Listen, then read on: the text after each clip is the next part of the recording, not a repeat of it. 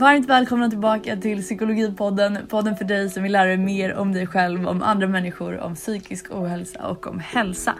I dagens avsnitt så ska vi prata om alkohol och om missbruk. När det kommer till beroenden så är det så att det är ganska vanligt och risken att utveckla ett beroende kan påverkas av flera olika faktorer. Det kan till exempel vara hur det ser ut runt omkring dig just nu, hur du mår i övrigt. Det kan påverkas av ärftlighet, det kan påverkas av tillgång och flera andra faktorer. Så att det finns inte någon exakt tid eller en exakt mängd som du måste ha druckit för att kunna utveckla ett beroende. Det finns lite olika tecken på att man eventuellt är beroende av då alkohol i det vi ska prata om i det här avsnittet. Då kan det vara att du dricker mer alkohol och dricker under en längre tid än vad du hade tänkt dig innan. Du misslyckas med att minska drickandet. Du har kanske försökt en eller flera gånger och märkt att det inte går. Du känner ett starkt begär efter alkohol du ger drickandet en ganska central roll. Så att ofta så blir det så att på bekostnad av annat som du tycker är viktigt eller andra människor som du tycker är viktiga så dricker du istället. Eller kanske inte håller vad du lovar eller gör saker som du inte egentligen hade velat eller gör saker för att såra andra människor. Det kan vara så att du måste dricka mer alkohol än tidigare för att bli berusad. Sen kan det vara så att du mår dåligt när du inte får alkohol och då kan det vara att man får så kallade abstinensbesvär. Det kan vara till exempel att man får sömnsvårigheter, att man mår illa, att man skakar. Så det här är några tecken på att man eventuellt har utvecklat ett beroende av alkohol. I dagens avsnitt så kommer vi bland annat prata om alkoholism och att vara nykter. Och med mig så har jag Josefin Dahlberg. Ja, hej! Hej, välkommen! Tack snälla! För de som inte vet, vem är du? Eh, ja, vem är jag? Stor fråga. Nej men jag, eh, jag är då Josefin, jag är 29 år, bor på Söder och eh, där vi även är nu, mitt kontor som också ligger här på Söder. Och här jobbar jag med min egna business, jag är egenföretagare, jag jobbar med mina sociala mediekanaler, Instagram, blogg, YouTube, eh, men driver också lite olika eh, mindre företag, webbshop, eh, yogalärare, eh, lite allt möjligt. Jobbar som influencer då, eh, kan man väl sammanfatta det med så. Men jag tänkte vi ska ju prata bland annat då om alkoholism. Mm. Och anledningen till att jag ville prata med just dig om det är för att du har varit ganska öppen med att du i ganska tidig ålder fick alkoholproblem. Mm. Men jag tänker att vi börjar från början, början. Mm. När du föddes. Du ja. hade en pappa som var alkoholist. Exakt. Så min pappa, jag är liksom tredje barnet i familjen. Jag har två äldre systrar. Och eh, min mamma och pappa träffades och bara några år efter så fick de min första syster och eh, min andra syster. Och där, innan liksom de fick syrrorna så märkte ju mamma att såhär, okej pappa, eller Martin då som heter, dricker väldigt mycket. Och eh, hon kände liksom att så här, men nu har de gift sig och inte ens så här, han, hans vänner liksom kunde börja ta det lite lugnare när de hamnade i ett förhållande men han liksom körde på och kom inte hem och det betedde sig väldigt märkligt. Och då kände hon liksom, nej men det här funkar inte så att jag vill, jag skiljer mig typ efter så här ett och ett halvt år. Och då, då verkligen skärpte han till sig, slutade dricka, de fick mina två systrar på två år. Sen började han dricka igen och sen så blev det väl lite bättre och då kom jag fyra år senare. Men sen så började han dricka igen mer och mer och mer. Så när jag var två år så kände mamma att så här, men det här går liksom inte. Hon kunde komma hem och så var båten borta på tomten och så här, varför det? Ja, han var tvungen att betala en skuld. Alltså, han kunde inte riktigt, han var inte ärlig, han var inte, kom inte hem som han alltså, hade lovat det. Eh, jag ställde väldigt mycket till det för liksom mamma såklart. Så hon kände att det inte funkar och då hade vi inte så superbra kontakt med pappa. Jag tror väl så i efterhand att då kände väl han så här, nu är han fri, så han gjorde väl lite vad han ville. Och sen när jag var 4-5 så började vi få lite mer kontakt. Och när jag kanske var 4-5 tror jag att det var, då började också han skulle försöka liksom ha hand om oss typ på helger så att vi skulle kunna vara hos honom. För vi bodde ju bara hos mamma annars och hon var ju ensamstående med tre barn, dubbla jobb, hade väldigt svårt att få tid att räcka till. Och hon träffade också en ny kille som gjorde att så här, hon, om hon skulle få någon ensamtid med honom så vore det bra om så här, vår pappa kunde ta hand om oss också. Så han försökte ha oss eh, ibland på helger. Men det slutade ofta med att mamma fick komma och hämta oss för att han blev full, eh, så glömde att hämta oss på ridskolan och eh, gick och drack istället. Eller skulle åka och köpa lunch och kom inte tillbaka för att han fastnade i centrumet och drack. Eller tog med oss in till så Gröna jägaren på Söder för att eh, han inte kunde hålla sig från att dricka en kväll. Och eh, ja, men många sådana liknande historier liksom. Och det här gjorde väl någonstans att vi tyckte att det var ganska obekvämt att vara kring honom om man inte riktigt så litade på det han sa. Även om jag väldigt långt upp i ålder gick på allting han sa. För jag tror också att han menade det när han sa det. Att så här, han lovade att vi skulle hitta på roliga grejer eller resa. Men att så här, alkoholen kom alltid först. Så att eh, vi hann aldrig göra de där grejerna. Men för mig skapade det någon slags liksom Såklart, min mamma fanns där hela tiden, jag fick hennes bekräftelse, men jag ville ju ha min pappas bekräftelse. Det var ju liksom någonstans det jag alltid strävade efter. Och det tror jag satte igång väldigt tidigt i mig, en liksom jakt på alltså bekräftelse från någon annan. Och som jag fortfarande, alltså idag känner jag mig mycket, mycket mer bekväm och känner inte riktigt att jag behöver jaga den bekräftelsen. Men har ju behövt göra det i princip hela mitt liv, även upp i upp, vuxen ålder liksom. Och eh, mina systrar var ju fyra, nej vad var de? Sju och åtta när mina föräldrar skilde sig. Så de minns ju ändå så här, hela familjen ihop. Men i och med att jag var två år så minns ju inte jag alltså pappa som en pappa i familjen. Så jag försökte liksom lite ta, ta igen det där. Så när jag var typ 9-10 år så envisades jag med att jag skulle eh, få bo hos pappa. Mm. Och han bodde på eh, väldigt många olika ställen ute på Dalarö där vi är uppvuxna. Alltså i någon så här, hade, hyrde typ en så stuga på någons tomt. Och flyttade runt i massa sådana stugor. Eh, och jag envisades med att få bo där. Och det var ju väldigt mysigt för det mesta för min pappa var skitkul. Alltså världens roligaste person. Men ibland kom jag hem och det var sprit överallt. Eller ibland kom jag hem och han var full och sådär. Så det var ju lite riskabelt också. Och jag tror att jag och mamma har pratat jättemycket om det här att det var svårt för henne att förbjuda oss att träffa vår pappa. Mm. Framförallt så här, vi bodde i ett jättelitet samhälle liksom. Man ser, man stöter på varandra vare sig man vill eller inte. Så att det gjorde väl att så här, min, min uppväxt var lite så här, svajig och min mamma kämpade med att ha råd med eh, liksom huset för oss och jobbade väldigt mycket. Pappa var inte där. Min ena syster blev väldigt sjuk när jag var liten. Så det var liksom ganska lite uppmärksamhet över. Mm. Eh, och kärlek så. Även om min mamma har gjort liksom allt hon har kunnat såklart. Kommer du ihåg någonting från när du träffade din pappa? Alltså inte när du var två år då, men när du var lite äldre och bodde med honom? Mm. Var det så att du kom hem och du verkligen märkte eller var det så att han mer inte riktigt var närvarande om du förstår? Mm. Alltså han, han var ganska bra på att inte dricka när han var med oss. Till exempel så här, min pappa firat julafton med oss i alla år förutom ett år och varit nykter. Eh, för att han har ju så fattat att det, han kan inte dricka liksom. Så att han har druckit julmust och suttit vid barnbordet. Han var ju också superbarnslig liksom. Så här, kiss och bajs humor på en så hög nivå. Eller låg, låg nivå. nivå. eh, så att han, han liksom höll sig från att dricka Oh, I och för sig, nej det gjorde han ju inte. Eh, han kunde dricka när han var med oss också. Men det var snarare att jag kunde komma hem, min pappa var ju konstnär också såklart. Det var ju snarare typ att jag kunde komma hem från skolan och så här, han hade gjort en installation i sängen med så här, sprit, pizza, oliver och målarfärg. Och sen var han borta. Och så kom jag hem till det typ. Alltså då kunde man bli lite så rädd typ, för mm. det såg så konstigt ut. Eller att jag kom hem och så var det någon tjej där som jag inte så visste vem det var. Um, och sen så ibland kunde jag komma om, om jag bara ville så gå över. Eh, när vi visste var han var. Det var ju många perioder vi inte visste var pappa var eller vart han bodde heller. Men, eh, och, och, att han var packad liksom. Så att det var, det var, det var inte det här han ligger på liksom livlös på golvet. Utan snarare liksom att han har gjort några knäppa grejer. Eller, eller att han är borta. Eh, det var ju främst det. Han var ju en riktig så här, periodare. Att han kunde vara borta tre, fyra månader i taget. Eh, och bara så här, vi visste aldrig var han var. Vi har ju trott att han har varit död så många gånger. Liksom. Jag kan inte ens tänka mig hur det är som barn att tvingas leva med den där rädslan. Mm. Nej men precis. Nej. Den är ju, jag tror att så här, man verkligen känner ingen så stabilitet eller trygghet. Eh, eller att så här, man vet aldrig om han är där eller inte. Eller så här, kommer han den här gången eller inte. Mm. Det blir verkligen en stress. Mm. Det låter som det var ganska oberäkneligt, eller han ja, var oberäknelig. absolut. För han kunde också vara superrolig. Alltså så här, det, jag älskade ju att vara hos pappa när det var bra. För att så här, vi åt godis på kvällarna. Vi, han bodde ju alltid väldigt litet. Vi så här, delade säng, vi hade så här, varsitt nattduksbord. Och så hade han fyllt på min så låda. Så, så fort jag kom hem från skolan så tittade jag så vilket godis han hade köpt. Så han var ju liksom också väldigt gullig. Och framförallt väldigt rolig och alla mina kompisar tyckte ju pappa var kul för att han så här pratade om killarna, hur går det med killarna? Alltså så här, var väldigt, eh, inte som alla andra pappor liksom. Mm. Men, eh, men sen kunde man ju komma hem och så var han inte där. Eh, och det var ju liksom väldigt jobbigt att inte veta när man så här, öppnar dörren så här, vad är det för dag? Mm. Är han hemma eller är han inte hemma eller är det sprit eller vad är det jag kommer möta liksom? Tror du att du förstod redan när du var ung att, alltså visste du vad alkoholism var? Nej. Vi pratar aldrig om det hemma.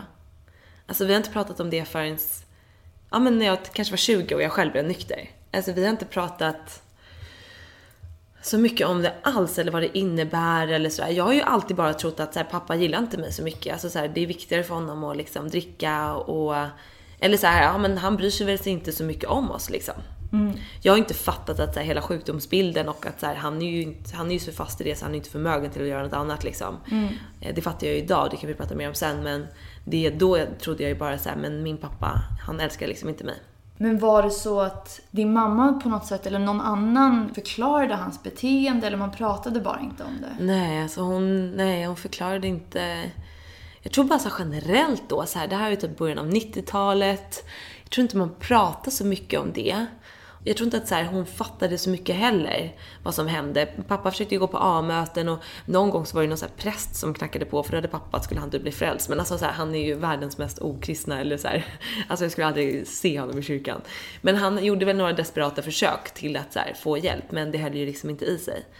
Men eh, nej, aldrig prata om det. Jag fick också så här, när jag var typ 10, då fick jag reda på att min pappa från början var adopterad och att hans adoptivföräldrar hade dött tidigt och att han då hade ärvt massa pengar och så här.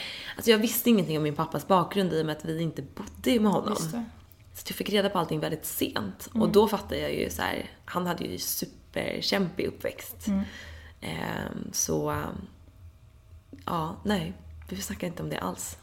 Och det är ju det som är så jävla svårt när man är barn. Alltså för att man förstår ju ingenting egentligen. Då är det ju väldigt lätt att man vänder det till att säga men jag är inte tillräckligt viktig, det är Exakt. mitt fel. Vad har jag gjort för fel? Hur kan jag bete mig för att han mm. kanske inte ska dricka eller tycka om mig? Mm. Så var det ju. Och sen när jag började bli lite äldre och fick min så här, första mobiltelefon, då började pappa ringa till oss, mig och mina systrar. Och då, alltså jag tyckte att det var så jobbigt när han ringde. Jag hörde ju också på en millisekund om han var full eller inte när han ringde. Och man fattade det lite. Eller så här kunde i och för sig dricka mitt på dagen också, så det var inte bara på kvällarna. Men så här, ringde han på kvällen sent så visste man liksom att nu är han full och ibland svarade jag inte. Men ibland svarade jag och eh, då kunde jag, alltså när jag hörde att han var full, då tyckte jag, alltså jag fick så dåligt samvete över att han dagen efter skulle ha dåligt samvete över att han ringde. Förstår du? Att så här, för jag hade sagt till honom så pappa jag vill inte att du ringer mig när du är full. Mm. Och så ringde han och då kände jag bara nej nu kommer han skämmas mycket imorgon. Men grejen är att han gjorde ju inte det. För att han fattar ju inte. Mm. Alltså han hade inga skuldkänslor.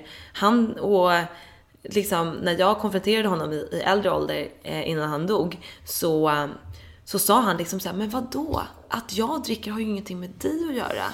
Vadå, det är ju jag och mitt liv. Var, varför skulle du få dåligt samvete över att jag dricker? Han fattade liksom inte att vi är så här, kopplade till varandra som så här, pappa-dotter liksom. Så att jag förstod ju, och det blev ju en lättnad för mig, att jag fattade att så här, men han har inte haft någon aning. Han har ju bara liksom varit sjuk. Mm. Minns du vad du sa när han sa sådär när du kände att kanske, men herregud, du har ju påverkat mig hur mycket som helst? Men så det har varit ganska svårt att prata med pappa. Dels för att vi aldrig haft den typen av relation under hela våra liv. Och när han låg på dödsbädden då snackade vi såklart liksom mer och han funderade väldigt mycket och sådär. Men, eh, men det var ändå, jag kände mig ganska blockerad i mitt sätt att prata med honom. Var jag, och jag började alltid gråta om jag liksom vågade ta upp någonting och det gjorde att jag blev rädd och att jag så här höll tillbaka och kanske inte frågade allt. Men jag tror också att så här, de svaren jag fick så var jag så här, men han har liksom inte fattat. Och det finns inte så mycket mer här att gräva. Nej, och så var det säkert. Det är ju en del av sjukdomen. Det är ju, dels så kanske man inte ens kommer ihåg vad man har gjort. Exakt. Eh, och sen så är man så fokuserad så att säga, alltså på sitt eget. Mm. När gick han bort? 2012, så vad är det nu då? Båda kollar upp i taket. Tittar upp i taket. Eh, det är väl sju, sju år sedan. år sedan. Ja. Ja. Bra att vi är samma där. Ja, precis. I, november, I oktober så är det sju år sedan. Ja. Så han, eh, när jag var 13 så fick han eh, en lungtransplantation för han hade KOL och lungfysem. Och när vi var små så trodde vi att det var astma typ, så han orkade inte gå speciellt mm. långa sträckor och så. Och sen drack han ju och rökte. Eh, och sen så, så han bytte lunga i lungtransplantation 2004. Och då bodde jag med honom i en så här jätteliten etta på 20 kvadrat. Eh, för att jag ville byta skola för att jag hade gått i en skola eh, för mamma hade flyttat från Dalarö. Och i den skolan så gjorde jag bort mig på fyllan. Eller så här, jag blev utnyttjad eh, av killar men det framstod som att jag hade gjort bort mig. Eh, för att jag var så full och kunde inte kontrollera mig. Eh, och eh, såklart, helt klart inte mitt fel utan killar som utnyttjar en 12-13-årig tjej på fyllan. Det är ju jättevidrigt. Mm. Men jag blev ju såklart så här horan i skolan och kunde inte så här visa mig på bussen och så. Så jag ville flytta tillbaka till Dalarö och då bodde min pappa i en liten lägenhet. Så då tog jag hand om honom i ett år när han väntade på att han skulle få en lunga för att som ska vara i rätt storlek och rätt blodgrupp och allt sånt där. Eh, men så 2004 fick han en lungtransplantation och eh, när han var på benen från den operationen, då hade han varit sängliggandes i ett år innan. Så jag hjälpte honom att duscha, laga mat, alltså fixade allting hemma liksom. Så det var ombytta roller? Ja, absolut jag var ju glad, alltså så jag kunde jättegärna ta hand om pappa för jag var ju bara glad att slippa den här gamla skolan. Så att jag tänkte nog inte så mycket på det då. Att så här, oj, jag är 13 år och tar hand om min pappa liksom. Och så här, lagar mat och går och handlar och fixar och donar. Och han andades med hjälp av så här, gastuber, så, så här, ändrade dem, fick nya tuber varje tisdag. Alltså jag fixade allting. Tänkte inte på att så här, det här är lite konstigt. Mm. Utan jag var bara så här, whatever, jag, liksom för att jag ska få vara här på Dalarö och mm. slippa liksom vara i min gamla skola. Men, eh, men det ledde till sen att han, när han var på benen, började såklart dricka igen. Inte röka, men började dricka i alla fall. Och efter då fyra år efter operationen tror jag, så började hans kropp stöta ifrån den här lungan. Mm. Och eh, så trodde han att han skulle få en ny transplantation. Men då visade det sig att han var i för dåligt skick liksom, i kroppen. Så mm. då sa de att så här, sorry, men nu får vi se hur länge du håller. Och då tror jag att det tog kanske fyra år innan han dog. Så att han så här, sakta men säkert upptynade bort. Sista två åren så var han ju helt sängliggandes och så här, vägde typ 40 kilo när han dog. Så han verkligen så här, tynade ju bort. Eh, ja. Det är så sorgligt. Ja, absolut. Men det är det. Och så här, min pappa var ju liksom så rolig, så charmig, så många så här vänner, så, så talangfull liksom. Alltså så många fina kvaliteter det är så sorgligt bara och det är ju jättemånga som, som har det såklart på, sitt, på olika sätt. Men att så här, det livet bara så här gått spillo. Såklart inte helt och hållet. Han fick tre barn och liksom så här, han har ju haft bra stunder också såklart. Men väldigt sorgligt att han inte kunde ta vara på den andra chansen som han fick med den här lungtransplantationen. Men det är ju att han var ju väldigt sjuk i sin alkoholism mm. och fattade ju inte och ville nog kanske inte heller Nej. liksom bli nykter. Men det låter ändå som att du hoppades på, alltså fortsatte hoppas på att men han kanske ändå ah, nu den här gången. Precis, det har ju med det man har liksom, man har ju levt på det hoppet. Och sen tror jag att jag tappade det innan han fick sin transplantation, typ när jag var 17-18. Då var jag så jävla trött på honom. Alltså jag kunde ringa honom på fyllan när jag själv var full och bara skälla ut honom efter noter. Och liksom bara säga nej men han får inte komma på julafton. Och då hade jag sagt det till honom och då krökade han sig liksom i typ en vecka så att han, han inte kom liksom. För jag sa till min mamma så här, du får välja om du vill ha mig eller pappa. Liksom. Jag vägrar fira jul med honom. För att jag var så himla besviken och arg och jag hade ju bott med honom, för när jag gick första året på gymnasiet då hade han fotboja i nio månader efter så att han hade haft väldigt många rattfyllor. Så han slapp fängelse och fick fotboja. Han hade suttit i finkan innan jag föddes för rattfylleri. Men nu hade han fotboja hemma i nio månader. Och då bodde jag med honom och det var ju skönt för då fick inte han dricka.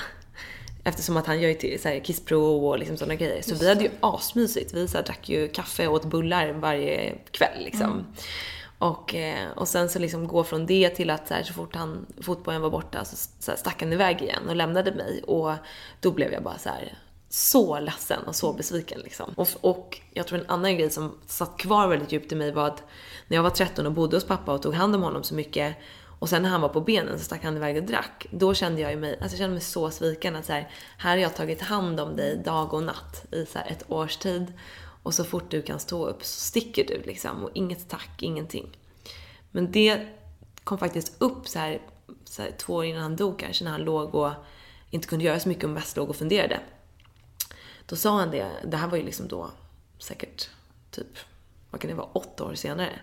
Så här, jag har verkligen funderat över jag hade ju världens bästa hemhjälp typ av dig, eller hemtjänst. Du var ju liksom, jag vill verkligen tacka för det och jag har nog inte gjort det och sådär. Och det var ju liksom en sån här, gud att min pappa säger det här var ju liksom helt sjukt. Jag blir typ nästan tårig när jag pratar om det nu också. För att så här, det var en grej som verkligen var så himla viktig för mig. Mm. Och jag tror att när han liksom berättade att jag, jag har sett det, jag vet det och jag vill tacka dig för det. Det gjorde att jag kände att här, han har ett hjärta någonstans. Det visste jag ju såklart, men ändå. Det gjorde att jag verkligen så här, förlät honom för typ allt. För att han såg dig? Ja, men precis. För jag hade ju aldrig riktigt sett mig sedd av honom tidigare liksom. Nej. Men det blir ju så, tyvärr, alltså, beroende är ju en sjukdom, även om vissa människor har ju svårt att förstå det och tycker att det är ett val. Ja. ja, men jag tror så här, om- man säger att det är ett val, så här, vem väljer att så här, supa bort sin familj, alla pengar, eh, liksom, alla rättigheter? Det är ingen som väljer det. Det vill man ju inte. Utan man fastnar i det eller så har man med sig det från början liksom. Och i och med att min pappa var adopterad så vet vi ju inte om hans biologiska, heter det va? Om de har kanske alkoholism i familjen. Förmodligen. Idag, jag ju två äldre systrar som sagt och idag är vi alla tre nyktra.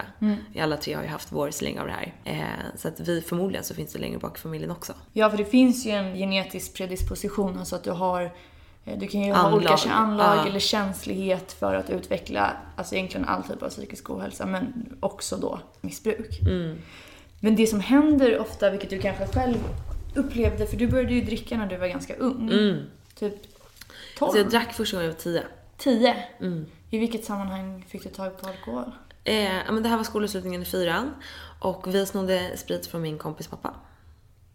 Min, du minns alltså det här tillfället första Ja, gången du ja, drack? gud ja. Vad Absolut. hände i dig då? Ja, men det var som sagt skolavslutning i fyran och vi hade bestämt det här med några killar i klassen att vi skulle prova att dricka första gången. För vi hörde ju om alla på högstadiet att de drack ju på skolavslutningen. Och vi ville vara lika coola och vi ville framför allt vara lika coola som mina två äldre systrar som var riktiga kickers. Alltså de var så här, eh, klädda i fila från topp till tå. Alltså riktiga så här, märkeskickers. Och mamma stackaren fick jobba så här, stenhårt. Hade, hon jobbade liksom med förskola och liksom inga pengar. Vi hade ju aldrig några pengar hemma eller någonting. Eh, för att de skulle kunna vara kittade med Buffalo och grejer. Men, eh, men så vi ville vara lika coola som dem och de hade ju börjat dricka och röka. Så vi snodde lite, och mamma var ju väldigt noga med att inte ha sprit hemma och liksom sådär. Så vi snodde från min kompis pappa och började, träffade våra killkompisar på eftermiddagen. Det var ju såhär, vi började säkert dricka vid fyra. Du vet, jag tror att det här är på Gick i kvällen. fyran, började dricka gick vid fyra. fyra. Ja men liksom. Skulle vara Eh, hemma vid åtta. Ja, ja, men, ja men det var ju typ, jag tror att jag skulle vara hemma vid åtta. Sju eller åtta. Så att vi såg säkert där fyra, halv fem. Och någon hade lyckats sno med några cigg och vi satt liksom på skolgården och drack i smyg och rökte. Men så här, hur mycket drack jag den kvällen? Ja men några klunkar, inte vet jag. Vi hade fått liksom någon häxblandning och vi var fyra, fem pers. Så det är klart jag inte drack speciellt mycket. Men jag kände ju en effekt av att så här, det var den här varma, nu har inte jag druckit på nio år så det är typ svårt att förklara den här känslan fast jag ändå typ känner igen den så väl för jag har haft den så många gånger. Nej, men liksom den här varma känslan som bara värmer insidan, själen på något sätt och bara la sig som någon slags bomull eller någon slags lugn. Och liksom jag kände ju bara så här, men gud, det här vill jag ju känna mer av. Och det gjorde ju att jag så här, jagade tillfällen att dricka, var med mina systrar på fest även fast jag var så här, fyra år yngre än min ena syster. Hon, jag fick så här, smaka cigg av henne och blev kompisar med de som var äldre än jag och sminkade mig för tidigt, gjorde allt för tidigt liksom. Och eh, ja, drack ju väldigt mycket redan. Alltså, vi ska säga att när jag var 10 då kanske det var en engångsgrej, men sen 11, 12, ja men då började vi festa liksom. Och när du säger började festa, då, vad betyder det? Ja men det betyder att så här, mina systrar, de kanske inte gick på fest varje helg, men vi säger varannan helg, ja, men så här, då hakade jag på. Eller så, jag är uppvuxen på Dalarö, där är det väldigt lite personer, vilket gör att om du går i sexan kan du lätt hänga med de som går på ni, i nian. Och de som går i nian kan ju absolut vara tillsammans med de som går på gymnasiet. Så att helt plötsligt börjar jag hänga med folk från gymnasiet fast jag är 12 och går i sexan. För det är ett sånt litet samhälle. Och finns det en fest så, så här, då är typ alla där. Och jag började så här, se till att kunna gå på dem. Och så här, var expert på att ljuga för min mamma. Sa att jag sover hos pappa eller sa till pappa att så här, nej men jag, jag ska sova hos Helena och han brydde sig ju inte så mycket så. Min mamma var ju mer så här, ringa och reka. Hade så, så bra koll som hon kunde med liksom tre barn. Ett barn som min syster var ju sjuk också. Det var inte kanske jättesvårt heller att så här. Och jag tror också att min mamma tänkte så här, men vad kan hända här ute? Alltså vi bodde på en liten gullig ö liksom. Inte förrän senare, alltså då vet hon ju för Alltså när jag blev 14-15 då började jag ju så här däcka på fester och så här bli alldeles för full och då fick ju, var det många som ringde mamma, mamma fick komma och hämta mig många gånger så då fattade hon ju såklart. Eh, och framförallt när jag var på krogen sen, herregud, då fick hon ju hämta mig överallt runt i hela stan liksom. Jag tror att det är viktigt att framhålla så att, att det är ju säkert många som har varit för fulla någon eller några gånger när man absolut. var ung. Alltså det har kanske de flesta varit. Men det du beskriver är ju någonting annat. Det hände antagligen väldigt mycket oftare, om inte varje gång du drack. Exakt. Det var ju mycket, alltså om jag kom ihåg en hel kväll eller liksom inte fuckade ur, då var ju det så här: wow.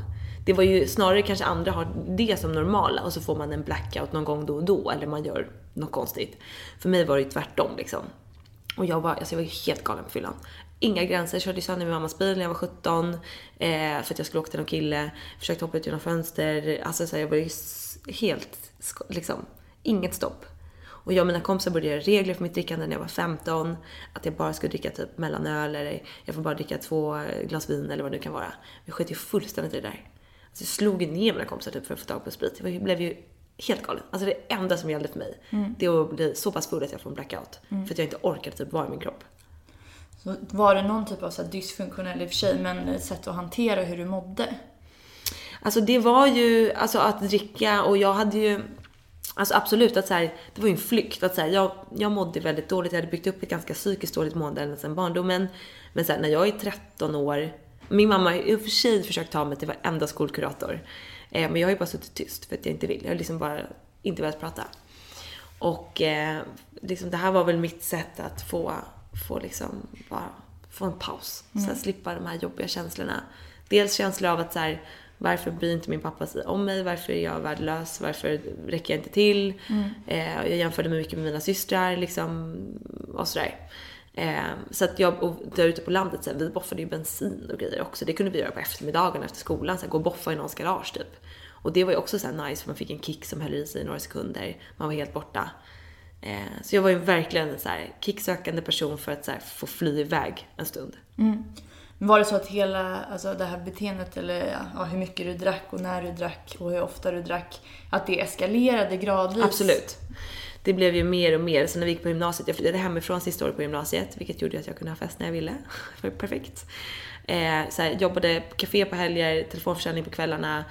Så här, jag fick ju inga pengar liksom från mamma så. Utan verkligen tjänade ihop mina pengar själv och snodde pengar från mina jobb för att ha råd. Eh, hade mycket fester hemma, började gå ut när jag var 17. Sen fick jag falsk lägg och såg till att kunna vara ute. Och sen när jag var 18 och började gå på krogen ännu mer så var det ju liksom, det fanns ju öppet, det var ju öppet flera dagar i veckan. Liksom. Och spriten tog ju aldrig slut där. Det kunde jag göra på en hemmafest. Men där, då öppnades en helt ny värld så då är det klart att det blev mer. Och du orkade hålla i på något sätt, den här höga...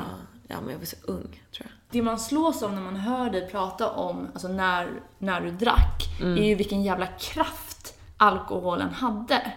Alltså, vad var det som hände i dig när du drack? Förutom att det blev så här, den här bomullen som du förklarade att du liksom fick släppa taget. Men den började, alltså så här, första liksom glasen, då var det ju det här sköna. Men sen var det som att så här, alkoholen spädde på alla mina känslor. Jag fick ju, så jag kunde ju få, par, alltså blev paranoid, trodde att jag var förföljd. Alltså jag blev, blev galen. Inte varje gång, men så kunde bli det. Ehm, det var som att alla känslor förstärktes. Alltså min hat till min pappa blev ännu värre. Jag trodde att alla killar liksom var dumma i huvudet. Jag, att inte mina kompisar gillade mig. Och då började jag ju så här. Jag började spela död på fester för att så här, testa mina kompisar om så här, vem bryr sig om jag dör. Så att det var mitt så här, man kan kalla det för partytrick. Alltså det här är ju lite komiskt för det är ju helt sjukt liksom. Men det var mitt test så här. Om jag var i jag var på fest med mina kompisar så liksom låtsades jag ligga ner, så här, låsa in mig på badrummet och så bara dels höra alla så på dörren bara Jossan, du vet, det fick ju min själ och bara folk bryr sig liksom. Och sen lyckades de komma in på toan och så låg jag där så här helt död på golvet.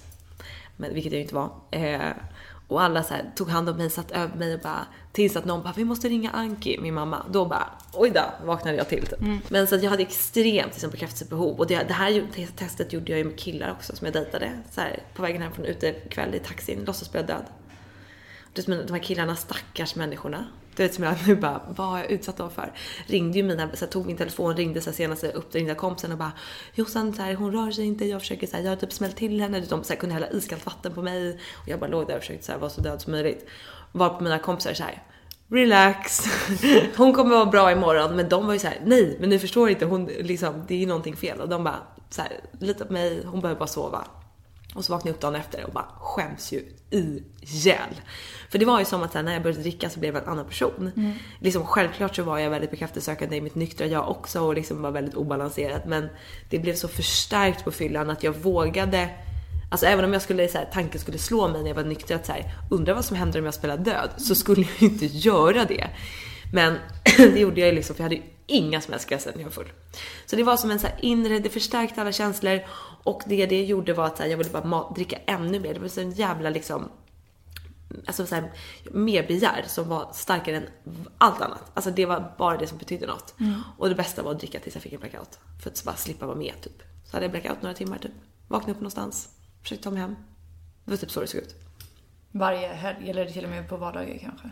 Alltså i sina sista ett och ett halvt år när jag var ute, då var vi ute absolut vardagar. Alltså onsdag, torsdag, fredag, lördag. Sen började jag ju hänga med mycket krogfolk så det gick ut på söndagar när de var lediga. Så jag kunde ju absolut kröka fyra, fem dagar i veckan. Mm. Och det var aldrig på den här liksom, jag går ut och tar ett glas vin Nej, och nej, en nej. öl. Det fanns inte. Nej men jag har ju gjort det där jättemånga gånger. Det, vill säga, det spelar ingen roll hur viktig dag jag har dagen efter. Typ jag skulle göra mitt så här, teoriprov. Du vet, så här, men kom in och ta en öl. Då bodde jag så här, långt utanför stan. Så det är klart som fan att det inte blir det. Jag kom hem där så här, sju på morgonen i så här, trasiga strumpbyxor, somnade på ett pendeltåg, åkte fram och tillbaka till Jakobsberg typ så.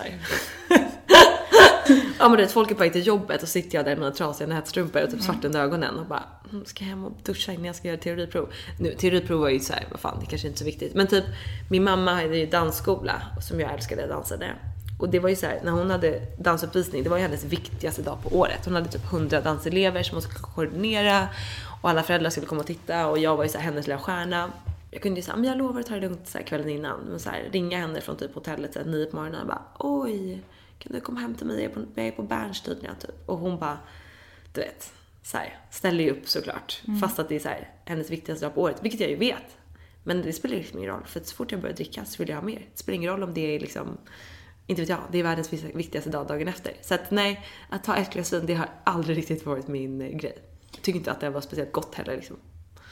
Men det är ju som att alltså, alkoholen hijackar, alltså vad heter det på svenska? Den... Eh, vad heter det när man... Eh, Jag vet inte. ja, skitsamma. Tar över hela Mm. hjärnan. Absolut. Då förstår man ju hur jävla stark drog alkohol ändå är. Mm, absolut. Gud ja. Men förstod du under den här perioden att du hade problem? Alltså ja, jo men det gjorde, alltså så här, jag sa ju till alla, alltså för att jag betedde mig så himla dåligt och gjorde ju bort mig och var taskig med mina vänner. Och de ställde ju mig såklart i väggen, liksom min mamma också, efter alla gånger hon fått hämta mig på fyllan. Så jag var bara såhär, ja men jag har alkoholproblem. Men det blev också min försvarsmekanism. Liksom såhär, ja men jag, jag vet att jag har problem. Och alla bara, ja men hon vet ju ändå om det. Så här. Vad kan man göra? Det var ju inte så att någon trodde att man kan bli nykter när man är 16 år liksom. Eller 17 eller 18 eller 19 eller 20. Eh, så det var ju mitt sätt att så här, och det, när jag träffade nya kompisar, jag kommer ihåg när jag var 19 började på en ny arbetsplats och började festa med dem. Då berättade jag för dem innan så här, bara så ni vet så blir jag väldigt, jag kan bli väldigt konstig när jag dricker. Jag kan säga konstiga saker, göra konstiga grejer. Så att, men liksom det är så jag är, jag kan liksom inte göra någonting åt det. Men bara så att ni vet det, så att ni behöver inte bry er så mycket om det. För jag, alltså, dagen efter kommer jag vara som vanligt. Så jag visste ju om det här, jag förberedde folk på det liksom. Och om jag träffar killar så kunde jag berätta det. Att så här, typ, jag kommer ringa dig 40 gånger i natt förmodligen. Liksom. Så att på något sätt kunde jag snacka om det. Men jag fattade det nog inte riktigt till 100% eller, och jag vill, hade ju absolut ingen vilja att göra någonting åt det. Jag tänkte ju så här, men nu har jag gått med på att jag har alkoholproblem. Jag säger det till alla mina kompisar, till mamma. Jag vet att jag har det. Så nu har jag löst problemet, trodde jag. Ja, för då hade du liksom safeat upp lite för att Exakt. inte behöva höra det från andra. Absolut. Men när tror du att du tvingades liksom erkänna situationen för dig själv? För det är väl en av de största, eller första stegen också när man har ett alkoholmissbruk, eller vilket missbruk som helst. Alltså, så jag började gå till alkoholterapeuter när jag var 18, 17 eller 18. Och där pratade de ju väldigt mycket om alkoholism och alkoholproblematiken och allt sånt där. Vi gick igenom vad jag drack, jag var där en gång i veckan och vi gick igenom hur jag hade druckit, hur, kväll, eller hur helgen hade gått eller dagen hade gått.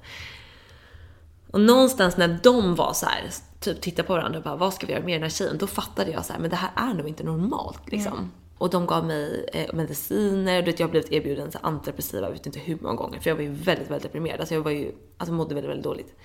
Och ehm, jag fattade någonstans där att det här inte är normalt. Men jag trodde ju liksom inte att så här, alltså man kan ju inte sluta dricka när man är 20.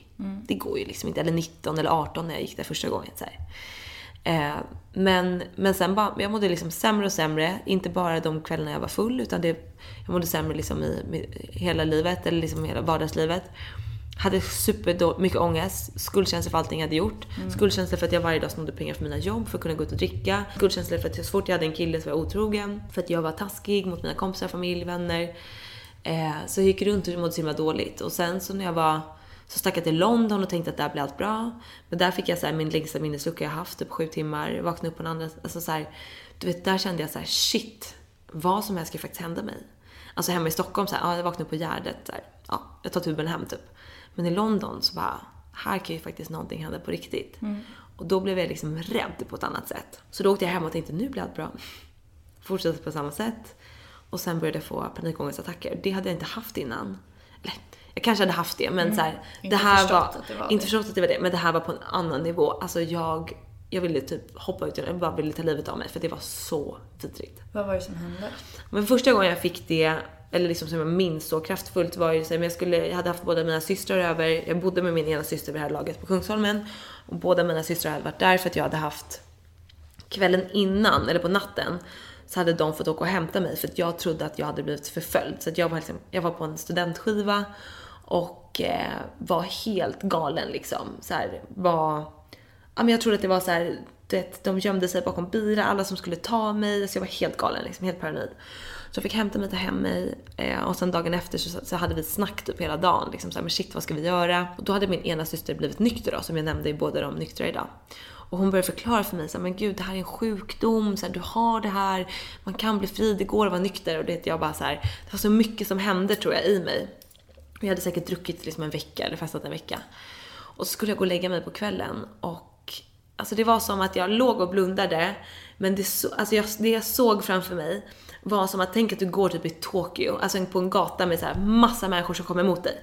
Alltså hela tiden och bara liksom kommer emot och du bara försöker gå framåt men alltså jag fick sån panik så jag bara ställde mig upp och bara viftade i luften och bara skrek och nu var jag inte full utan det här var ju sagt natten efter. Eh, och min syster blev ju livrädd och det, jag bara såhär, släpp ut mig på balkongen, bara, jag måste, det, jag fick ingen luft, jag kände mig, ja men sån panikkänsla. Och då kom min andra syster över igen och så satt vi och bara försökte få mig att andas typ. Men, och sådana där attacker fick jag, började jag få då. Och här, så jag sitter och hyperventilerar, får ingen luft, panik liksom. Och sen så vände och då ville jag inte vara själv för jag tyckte det var så läskigt att vara själv. Men sen vände det till att jag ville vara helt själv. Så jag stängde in mig i min lägenhet, ville inte äta, gick ner jättemycket vikt. Eh, svarade inte. Till slut kom min mamma och hämtade mig, tog hem mig och bara som så många gånger förut så här, vad ska vi göra med dig och sen? Vad behöver du liksom? Ska du lämna stan? Typ, vi hade så här folk, eller släktingar uppe i Dalarna. Ska, ska du flytta dit? Liksom så. Men, eh, men där någonstans så bara, jag, jag kände verkligen, jag vill inte leva, jag kan inte leva så här. Alltså tidigare hade jag känt så här, jag vill inte leva så här, men då kände jag att jag kan inte leva så här. Det går liksom inte. Då vill jag hellre dö. Så det, jag tror att det var så här, det var så pass starkt som det var tvunget att kännas för mig innan jag kände mig beredd att göra liksom en förändring. Sen så tror jag att man kan göra en förändring innan. Alltså många, jag tycker också att så här, Sen blev jag ju nykter och så uppfyllde jag drömmar och oj, det är en lycklig historia. Och det är nästan att man så kan förromantisera det här mörkret. Att så här, man ska ner i det där för sen vänder det så blir det bara ljust. Och jag tror inte att det behöver vara så. Jag tror att man kan göra en vändning tidigare. Och därför så vill jag prata om det här för att folk ska känna igen sig kanske redan ja, men där jag var när jag var 17. Alltså jag hade kunnat göra en vändning redan då. Men jag tror inte att jag, i och med att jag hade inte hört någon annan ung tjej som hade alkoholproblem, så trodde jag inte att det fanns en lösning. Utan jag trodde bara att det var fel på mig. Jag är sjuk i huvudet liksom.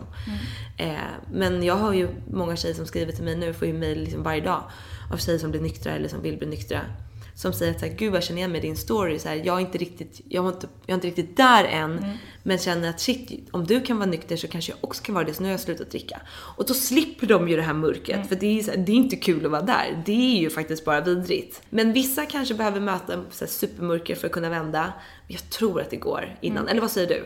Jag tror också det. Alltså det är kul att du säger just det här för att eh, i förra veckans avsnitt så, så säger jag exakt samma sak. Alltså ibland så tycker jag också att det är så jävla synd att man tänker sig att man behöver vänta tills man har nått liksom rock bottom. Sen kan det vara svårt att söka hjälp. Alltså många söker ju hjälp när det verkligen krisar. Alltså när de mår så dåligt att de absolut inte orkar mer. Och det finns ju hjälp att få på vägen ner Mm. Exakt. dit också. Men det är som att man kanske dels inte vet om att så här, Ja. okej men hur dåligt måste jag må egentligen? Precis.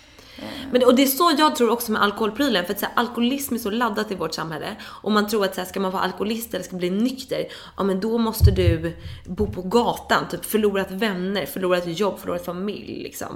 Men det är klart som fan att man inte behöver det. Så jag tror bara att, så här, genom att, precis som du säger, så här, sprida kunskap, prata om det, säga att du kan ha problem innan. Det behöver inte vara liksom, precis som du säger, liksom, längst ner på botten. Utan om du märker att så här, shit, jag kan fan inte kontrollera när jag dricker. Det leder till att jag är otrogen eller att jag behandlar min partner dåligt eller mig själv dåligt. Ja, men vill du leva så? Nej, det är klart jag inte vill. Men bra, det finns hjälp att få. Så jag tror absolut, och det tror jag är därför jag verkligen så ägnar så mycket tid till att så här snacka om de här grejerna. Just för att få fler att känna igen sig och faktiskt kanske kunna göra någonting liksom, tidigare. Det, är ju aldrig, det är ju aldrig för tidigt att söka hjälp. Man fokuserar ju väldigt ofta på så här, det är aldrig för sent att söka hjälp och det är ju såklart inte heller. Men det finns ju inte heller för tidigt. Ju tidigare desto bättre. Desto tidigare man kan vända sitt liv till att leva ett bättre liv, må bättre, alltså desto bättre liksom. Mm. Jag håller helt med dig. Och det finns ju någonting, alltså, nu pratar vi om missbruk, det finns ju något som heter riskbruk också. Exakt. Eh, Så det kan vara bra att veta om man lyssnar och vill söka lite mer information så kan man också söka på vad riskbruk är för någonting. Och Men som du sa, det här leder till negativa konsekvenser. Det är ju viktigt alltså, vid all typ av psykisk ohälsa, också inom psykiatrin, så är det en funktionsnedsättning för mig, får det här några konsekvenser? Det är ju det man kollar på. Men du sa att du mådde väldigt psykiskt dåligt och det hör man ju. Jo men jag mådde, jag hade ju ångest varje dag liksom. Absolut. Alltså det, både över saker jag hade gjort men också så här, min självkänsla var ju helt så här bruten liksom. Den fanns ju inte i och med att jag redan från jag var liten kände mig värdelös liksom. Men när du mådde sådär dåligt, minns du om du hade självmordstankar? Absolut. Ja. Jo men alltså, i och med att jag kände att jag eh, inte var någon bra på att leva. Liksom. Så här, jag, eh, jag bara fuckade ihop allting. Liksom. Alla var besvikna på mig. Liksom. Jag gjorde bort mig. Jag gjorde, var dålig på... Eller, så här, jag fick uppskattning på jobbet för att de tyckte jag var så himla duktig. Och det gjorde ju att jag fick ännu mer ångest för att jag snodde ju pengar så här, bakom deras rygg. Liksom. Så jag kände att jag så här, failade på allt. Och bara så här, nej men, och, men när mina känslor blev så starka så var det så här, nej men jag orkar inte ens vara här. Och uh, ofta så krökade jag till eller så. Men hade ju så självklart tänkt att så här, kanske bara lika skönt att bara dö typ. Hade du självmordsplaner? Alltså sist, nej alltså inte, inte så att jag liksom så studerade ut eller googlade på det eller något, absolut inte. Men sista kvällen jag drack så var ju jag, eh, då tänkte jag så här, nu går jag hem och hänger mig typ. För du inte orkade nu? Nej, alltså då mådde jag så vidrigt. Alltså då hade jag provat att vara nykter, gått på så här, eh, träffat andra som var som var nyktra och börjat så här, någon, liksom, söka hjälp igen och gå på och prata om det. Och, men gick ut och drack samma kväll för att jag fick sån ångest och gjorde bort mig så jäkla mycket. Och min kompis var så jäkla trött på mig och jag hade druckit typ tre dagar i rad. Och, och blev utslängd från varenda klubb. Det var, jag var ju alltid utslängd liksom. Överallt. Och portad och hit och dit. Eh, men... Eh, och då när vi skulle åka hem till mig så sa jag till det här är sista gången du behöver ta hand om mig. Och då tänkte jag ju så här, för jag kommer inte... Jag kommer, nu, nu pallar inte jag, nu så här, tar lite av mig. Och det är klart att jag säkert inte hade gjort det liksom. Ehm, men det var min plan då där i taxin och- hon minns ju det lika väl som jag. Att så här, jag sa till henne, "Det här är sista gången du behöver hjälpa mig. Ehm, och så här, mina minnen från den kvällen är väldigt svajiga. Jag hade minneslucka typ tidigare på kvällen men kommer ihåg hur vi innan vi hoppade in i taxin hem satt på Spybar, eller nej på Stureplan och jag vägrade inse att jag inte kommer in någonstans. Hon bara du har provat alla ställen. Jag bara vi går till Soap. Hon bara du får inte komma in där. Vi går till Solly och vi får, du får inte komma in där. Och sen kom jag ihåg hur jag tänkte här i taxin. Hon går hem och bäddar ner mig som hon ofta gjorde. Eh, och sen ringer den här killen som jag liksom var superkär i. Som hade, jag, jag hade ringt upp 30 gånger på den kvällen och han inte hade svarat. Och då såklart så skende jag upp och bara, jag åker dit istället. Och sen när jag vaknade upp där så var ju han så här, vad fan har hänt med dig? Vi hade liksom träffats till och från i typ två och ett halvt år. Och jag hade verkligen så gått ner mig, om man ska säga, under de här åren. Och han bara, det är så sorgligt att se. Och så tittade på mig med en riktig avsmak i blicken. Och då kände jag också bara så här, och då fick jag någon slags revansch. Nu jävlar ska jag visa honom. Och det blev min start. Och sen så övergav, gick ju det till att så här, men jag ska visa mig själv, jag vill göra det här för min egen skull. Men det blev min start någonstans. Att så här, han ska få se att jag visst kan vara en bra tjej liksom. Ja, för det är ju den här styrkan som kanske bara var lite liksom missriktad. Förstår du? Du hade ju den i dig redan Alltså det början. finns ju en enorm drivkraft i, i beroenden. För att man gör ju någonting till 100 fucking 10 procent. Liksom. Eh, det finns ju någon extra växel. Men precis som du säger, man liksom hade den på helt fel frekvens. Jag tror att jag mest ångrade liksom allting jag hade gjort mot alla andra. Ja. Det var ju mycket lättare. Det är ju typ nu jag har fattat vad jag utsatt mig själv för. Alltså jag vaknade ju upp i olika sängar liksom hela tiden för att jag var ju så packad och visste inte vad jag var och det var ju många killar som tog och utnyttjade det liksom. Jag var enkel att plocka med hem. Och jag tror att så här, det är typ nu jag har fattat den grejen. Att så här, vad som har hänt mig och min kropp när jag inte har varit med i hjärnan liksom. Jag har ingen aning. Jag vet ju några jätteobehagliga, jättejobbiga grejer när jag blivit utsatt liksom. Som jag minns.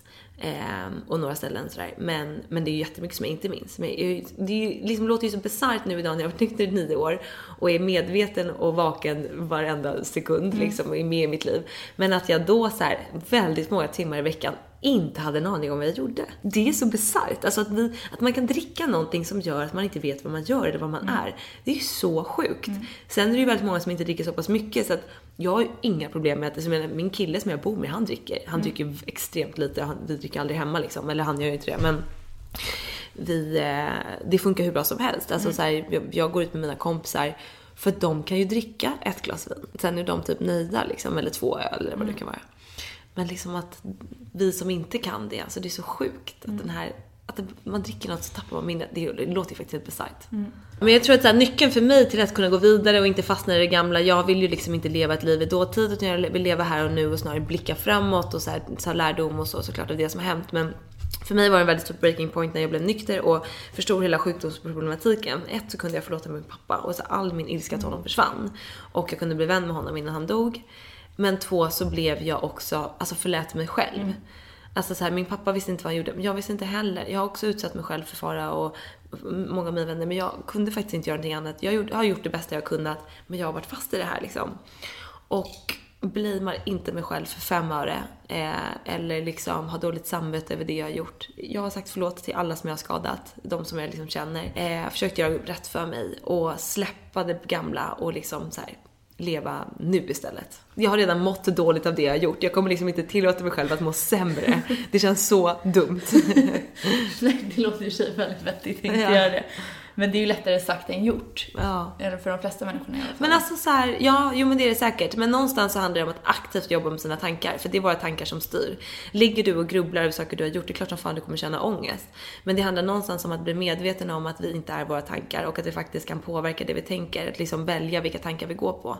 Och det är där jag har hittat min, det jag brinner för idag. Att jag jobbar med personlig utveckling och eh, mycket meditation är ju en jättebra övning för att kunna se våra tankar och därefter faktiskt kunna välja vilka tankar vi jobbar med och välja att lyssna på. Och sen är det klart att, jag menar vi alla kommer ha tankar. Jag kan få en tanke när jag går förbi en bar, ska du inte gå in och ta en öl? Det är inte så att jag går in och tar en öl för jag fick den tanken. För då har jag en annan sida som bara, men det där är en tanke, låt den passera. Så bara, men, och så är det en annan tanke som säger då, klart som fan du inte ska dricka, du vet ju vad som händer då. Så för mig handlar det om att säga, jag tror att jag alltid kommer ha en sjuk sida inom mig. Där de här eh, alkoholtankarna kommer komma ifrån. Så här, Jossan, vore det inte bara nice att ta en fylla nu? Men för mig handlar det om att träna min friska sida så att den är starkare. Så att när den här liksom, sjuka tanken kommer så ska mitt friska jag säga nej men jag mår inte bra av det. Nu gör vi det här istället. Eh, och det gör ju jag genom att så här, jobba med mig själv, både med liksom eh, meditation, så här, stärka mig själv, inventera, prata, liksom, reflektera över det, mitt liv, mina känslor, liksom vara medveten i mina val. Och, och, men, ta hand om mig, ha mina rutiner. Liksom, det är klart att sämre tankar, eller jobbiga, dåliga tankar kommer lättare om jag har sovit dåligt, ätit dåligt. Liksom. Så det kan vara ganska basic stuff som jag behöver hålla koll på för att liksom vara i bra välmående i min hjärna. Verkligen. Och jag tycker att du nämner någonting viktigt. Det här med att bygga upp den friska hjärnan. Och så brukar jag tänka vid all typ av psykisk ohälsa att du har liksom ett plus och minuskonto då. Och minuskontot, alltså till exempel negativa tankar, det kanske är så övertrasserat. Och på pluskontot så finns det inte så mycket så att allting du kan göra för att bygga upp pluskontot, allt du kan göra för att balansera ut liksom ditt konto, eh, det är bra. Även om det är så små saker. Ja, det är ju de små sakerna som gör stor skillnad. Jag tänker vi ska runda av, men eh, en sista grej bara för jag tänker på det här med att vara nykter och vara ung. Ja, men jag har märkt på det mesta att om jag är väldigt så här, tydlig och säker i mitt svar, så här, nej jag dricker inte, jag, så här, men jag dricker inte, bara så. Då kan jag vara såhär, ah okej.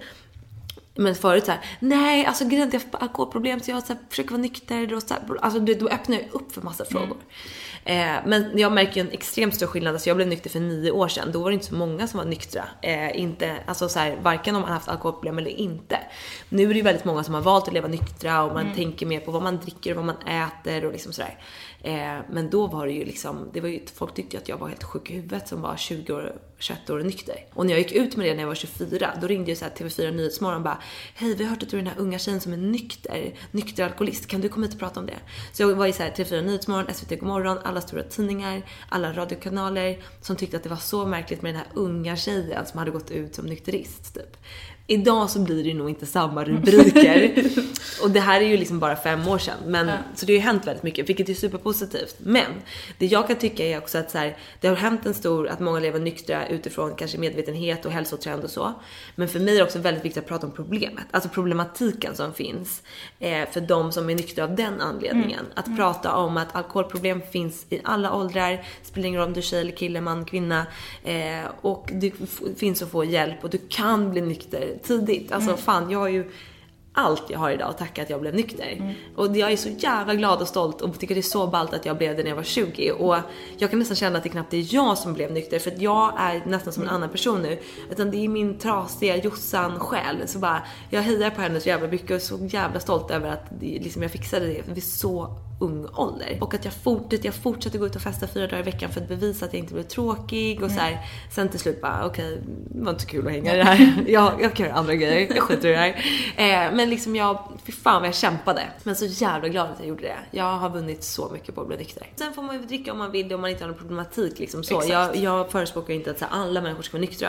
Alla får göra som de vill. Men de som känner att så här, shit, jag är på, jag är och svajar där. Jag, ibland så här, ett fall av tio så gör jag bort mig så här. Vet du vad, du kan slippa det där och du kan, mm. du kan må bättre. Så här. Och det funkar. Livet blir inte tråkigt. Alltså jag har haft alla mina roligaste stunder efter att jag blev nykter. Mm. Tack snälla för att du ville dela med dig. Tack själv.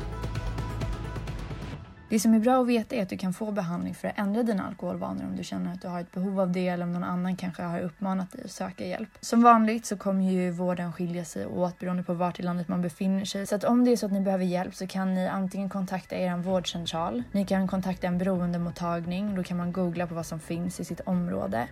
Man kan även söka sig till ideella organisationer, till exempel AA. Om man jobbar så kan man söka sig till företagshälsovården. Och i och med att vi har fritt vårdval i Sverige så är det ju även så att du får söka vård på vilken mottagning du vill i hela landet.